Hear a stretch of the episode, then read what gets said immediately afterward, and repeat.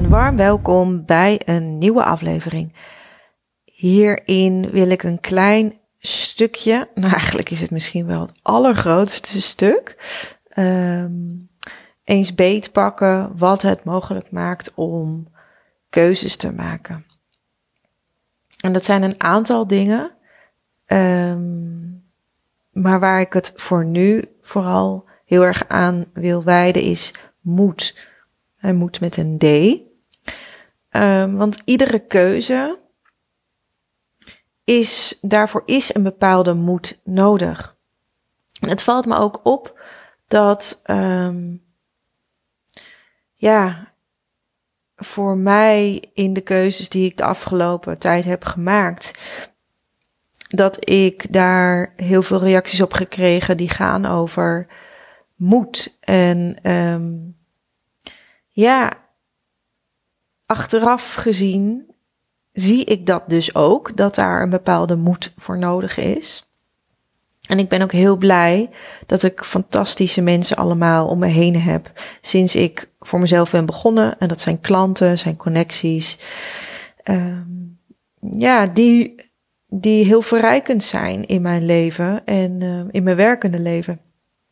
En van al dat soort mensen um, krijg ik dus de reactie van wat mooi, wat krachtig, wat moedig.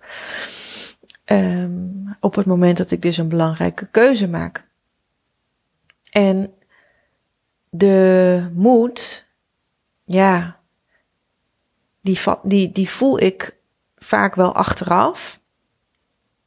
En dan zie ik ook, ja, um, dat het dat er ook ja, hele spannende dingen altijd zitten aan een keuze maken. En um, dat het er ook voor zorgt dat je dus kiest voor iets wat maakt dat je iets anders dus achterlaat. Het klinkt een beetje als een open deur.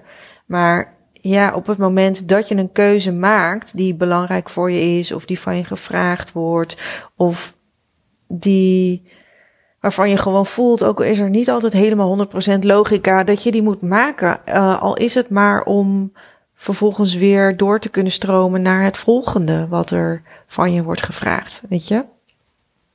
Maar de moed zit er, uh, erin dat je onbewust wel weet dat je ook veel opzegt, dat je veel loslaat. Um, en dat, da dat dat ook ja, niet alleen niet spannend is. Voor mij was het eigenlijk vooral meer verdrietig. Dat ik dacht, oh, het was. Ik heb zoveel mooie jaren gehad. Ik heb zoveel mooie klanten gehad. En het voelde gewoon meer als een stukje verdriet.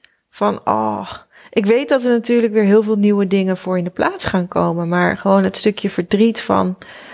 En misschien is het eigenlijk wel een soort geluksverdriet. Dat je denkt, dat heb ik. Dat je dan ineens pas beseft ook op het moment dat je keuzes maakt. Um, hoeveel het je heeft gebracht, hoeveel je ervan hebt genoten en hoe dankbaar je ervoor bent.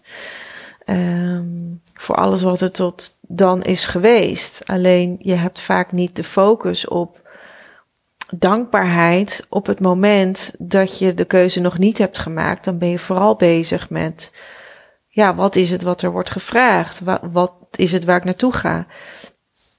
En wat je daar aan het doen bent, is dus uh, moed verzamelen en je moed voeden. En hoe je moed voedt, um, dat is vooral om de energie en de betekenissen um, naar boven te halen die jou helpen om een nieuwe richting in te gaan, die jou helpen om een nieuwe richting helder te maken. Dat is uiteindelijk wat jouw moed voedt. Het gewoon zeggen, ik moet moedig zijn of hè, dat is heel leeg.